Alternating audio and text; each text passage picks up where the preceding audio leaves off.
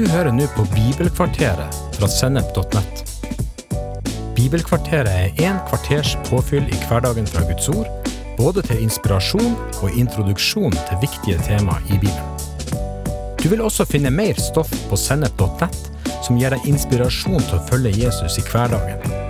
Følg oss på Facebook og Instagram, og abonner på våre podkaster i Spotify, iTunes, Google Podkast, YouTube eller i den podkastappen som du bruker. Hadde det ikke vært spennende å høre Guds stemme? At en dyp røst fra himmelen plutselig ropte navnet ditt og åpenbarte sine tanker til deg. Men er det mulig for et menneske å høre Guds stemme i dag?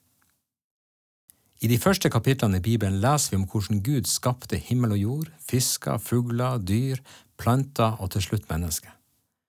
Deretter beskrives en fascinerende relasjon mellom Gud, Adam og Eva.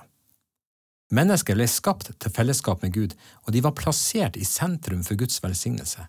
Gud sjøl var i hagen, og vi skjønner at de faktisk snakka med hverandre. Etter at Adam og Eva hadde vært ulydige mot Gud og spist av kunnskapens tre, står det at Gud vandra i hagen i kveldsprisen.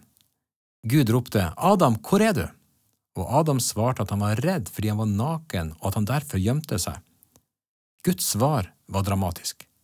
På grunn av synda måtte menneskene forlate hagen med all sin overflod og velsignelse. Det aller verste var at de også måtte forlate den nære relasjonen til Gud. Muligheten til å høre Guds stemme og det å være i nær dialog med Han. Til tross for bruddet fantes det etter hvert mennesker som søkte Gud. Vi kan blant annet lese om Henok. Det står at han vandra med Gud. Kvaliteten i relasjonen gjorde at Gud plutselig tok han til seg. Han trengte ikke dø. Senere leser vi om Abraham og hvordan Guds initiativ og kall førte til et liv på vandring sammen med Herren. Det var ikke som i Edens hage, men likevel en relasjon som skulle bli til velsignelse for alle mennesker.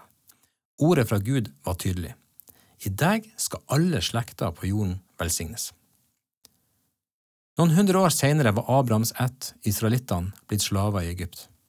Igjen kan vi lese om hvordan Guds stemme nådde et menneske. Moses var ute i ødemarka og fikk øye på en brennende busk. Da han gikk bort for å se, ropte plutselig Gud på han, Moses, Moses. Og Moses svarte, Her er jeg. Gud sa da, Kom ikke nærmere, ta skoen av føttene, for stedet du står på er hellig grunn. Deretter fortalte Gud detaljert hva slags planer han hadde lagt for Moses, og hvordan han skulle sette folket fri fra slaveriet. Moses gikk tilbake, og han delte Guds ord med lederne og med folket.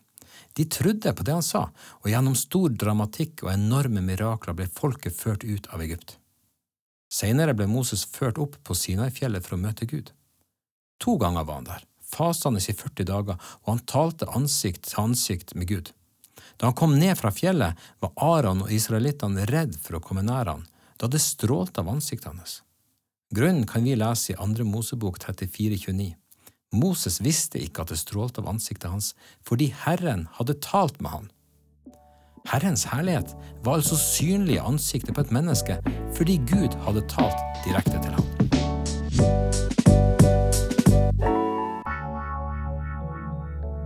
Senere kan vi lese historien om Samuel. Samuels mor Hanna hadde vært barnløs lenge, og nå hadde hun ropt til Gud om å få en sønn. Hun lovte at dersom hun fikk en sønn, skulle han være dedikert til Herren. Gud svarte hennes bønn, og etter han ble avvent, flytta han inn i Guds hus og ble tatt hånd om av presten Eli. En kveld etter at Eli hadde lagt seg, hørte plutselig Samuel at noen ropte navnet hans. Først tenkte han at det måtte være Eli, og han sto opp for å høre hva han ville. Eli hadde ikke ropt på han og ba han å gå og legge seg igjen. Dette skjedde tre ganger, og den tredje gangen skjønte Eli at det måtte jo være Guds stemme. Igjen ba han Samuel gå og legge seg, men dersom det skjedde igjen, måtte han svare, Tal, Herre, din tjener hører. Så da Gud talte for fjerde gang, var Samuel klar. Gud begynte å åpenbare sin plan og vilje med Samuel, og i løpet av 20 år ble nasjonen ført tilbake til Gud fordi én mann hadde hørt Guds røst. Senere kan vi høre om Elia, Elisha, David, Jesaja osv., profeter som Gud hadde reist opp til tjeneste ved at han talte sine ord direkte til dem. Så kom det en lang periode der det var helt stille. Men plutselig var det som om hele himmelen var i bevegelse. Engler ble sendt av Gud med budskap til Elisabeth, Zakaria, Maria og til sist Josef. Vismenn fra Østen tyda stjerner og la i vei for å finne den nye kongen. En hel hærskare av engler var klar til å lovprise et barn som snart skulle fødes, og Simeon og Anna venta i spenning på at Guds frelse snart skulle komme. Men ingen av disse menneskene hadde hørt Guds røst. Det var åpenbaringer og det var budskap fra engler, men det var ikke Guds egen stemme. Så kom Jesus, Guds egen sønn. Han var sendt fra Gud, men født som et menneske. Helt fra han var liten søkte han å være sammen med far. Han ble etter hvert voksen og forsto at det snart var tid for han å stå fram som den Messias han var. Johannes døperen fikk det ærefulle oppdraget i å døpe Jesus, og i Lukas 3, 21–22 kan vi lese følgende. Hele folket lot seg nå døpe, og Jesus ble også døpt. Mens han sto og ba, åpnet himmelen seg. Den hellige ånd kom ned over ham i skikkelsen av en due, og en røst lød fra himmelen. Du er min sønn, den elskede, i deg har jeg min glede. For første gang på veldig lenge var Guds røst hørbar for mennesker. Jesus hørte Guds stemme med sine fysiske ører, og ordene var mektige, klare og styrkende. Du er min sønn, den elskede, i deg har jeg min glede. Etter dette kan vi lese i Lukas 4, 1.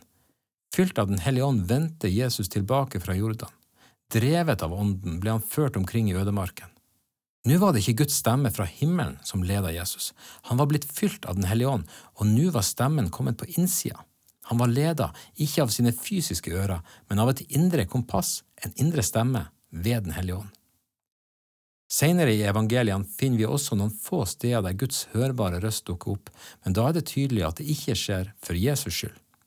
Stemmen lyder da for de som ikke har Ånden på innsida. I Johannes 12 kan vi lese om hvordan Jesus forteller disiplene at han snart skal dø. Han beskriver hvordan hans sjel er fylt av angst, men at det ikke er et alternativ for han å be far om å berge han fra døden. Plutselig sier han, Far, la ditt navn bli herliggjort. Og da løy det en røst fra himmelen som svarte, Jeg har herliggjort det, og jeg skal herliggjøre det igjen.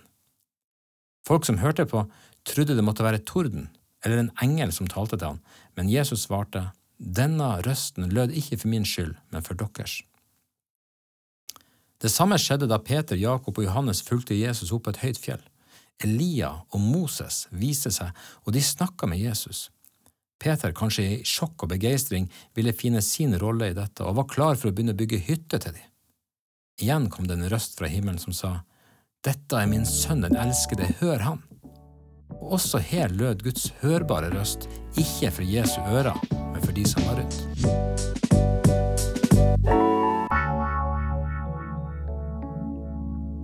Så begynte tida for Jesu tjeneste å nærme seg slutten. Jesus døde på korset for våre synder, og han seira over døden idet Gud reiste han opp den tredje dag. Etter hans oppstandelse sto Jesus fram for mange vitner, og han talte til disiplene i 40 dager. Til sist ga han oppdraget videre til disiplene og lovte de at han skulle sende de sin ånd. Så steg han opp til himmelen, og et nytt kapittel begynte. Ti dager etter Jesu himmelfart var 120 disipler samla på Øvresalen, et sted i Jerusalem. De var fulle av forventning til hva som skulle skje.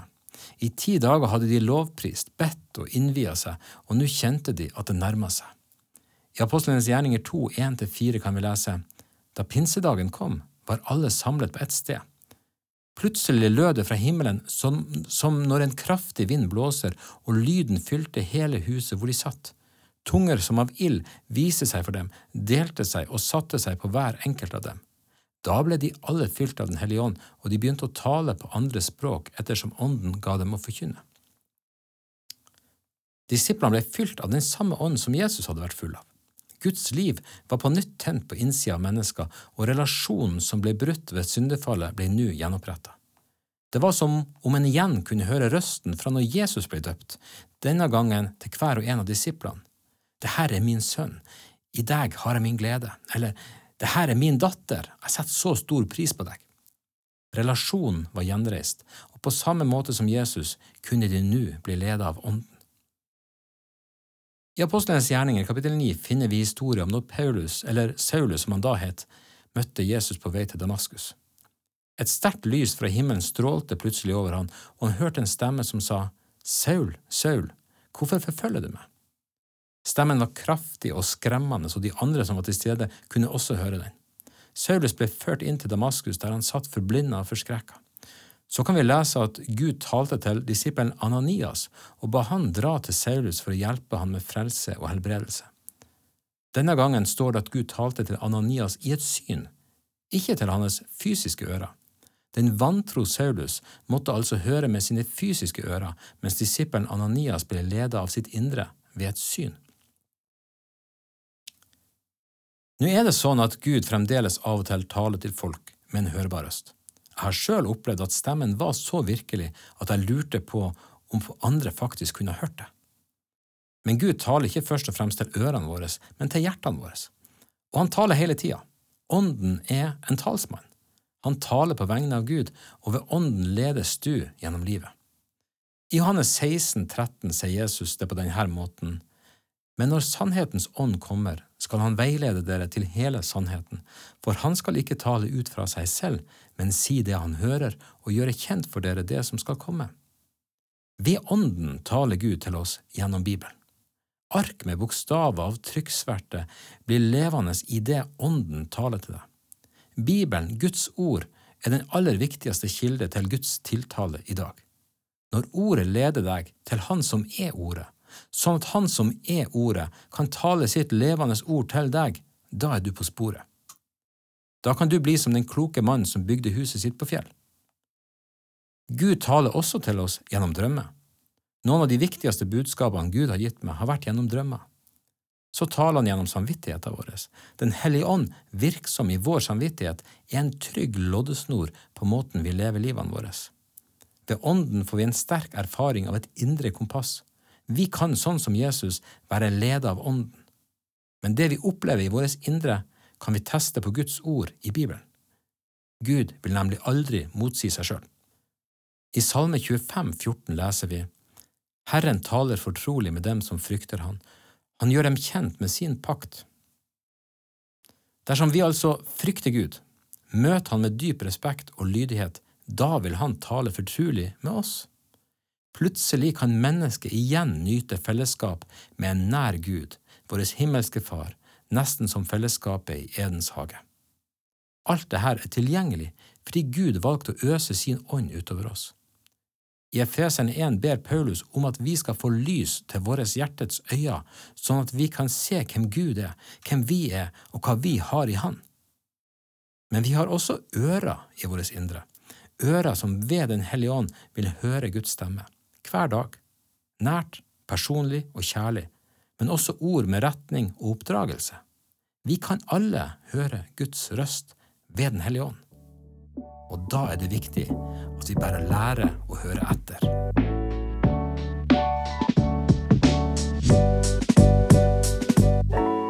Du har hørt en episode fra Bibelkvarteret på sennep.nett. Du vil også finne mer stoff på sennep.nett som gir deg inspirasjon til å følge Jesus i hverdagen. Innholdet på Sennep er gratis og tilgjengelig for alle, takket være økonomisk støtte fra kristent nettverk, menigheter og enkeltpersoner. Du kan også hjelpe oss ved å be for oss at vi skal forkynne ordet med frimodighet. Ved å dele innholdet vårt med venner og bekjente. Ved å rate podkastene våre på iTunes eller i podkastappen som du bruker. Eller ved å gi en engangsgave på VIPS. VIPS nummer 54 66 68. Takk for at du lytter til sennep.nett.